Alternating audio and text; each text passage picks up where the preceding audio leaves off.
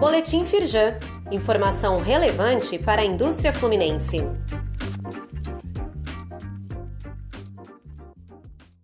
Edição de segunda-feira, 28 de fevereiro.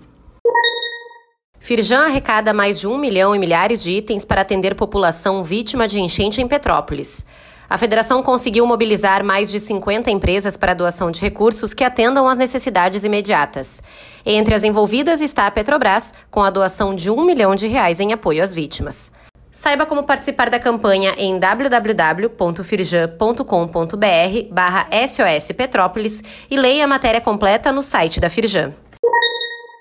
Hospital de Campanha da Marinha já fez mais de mil atendimentos na Firjan, SESI, Senai e Bingen. Estrutura realiza atendimento ambulatorial de baixa complexidade odontológico em adultos e crianças desde 17 de fevereiro.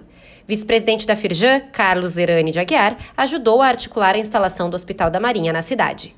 Saiba mais no site da Firjan.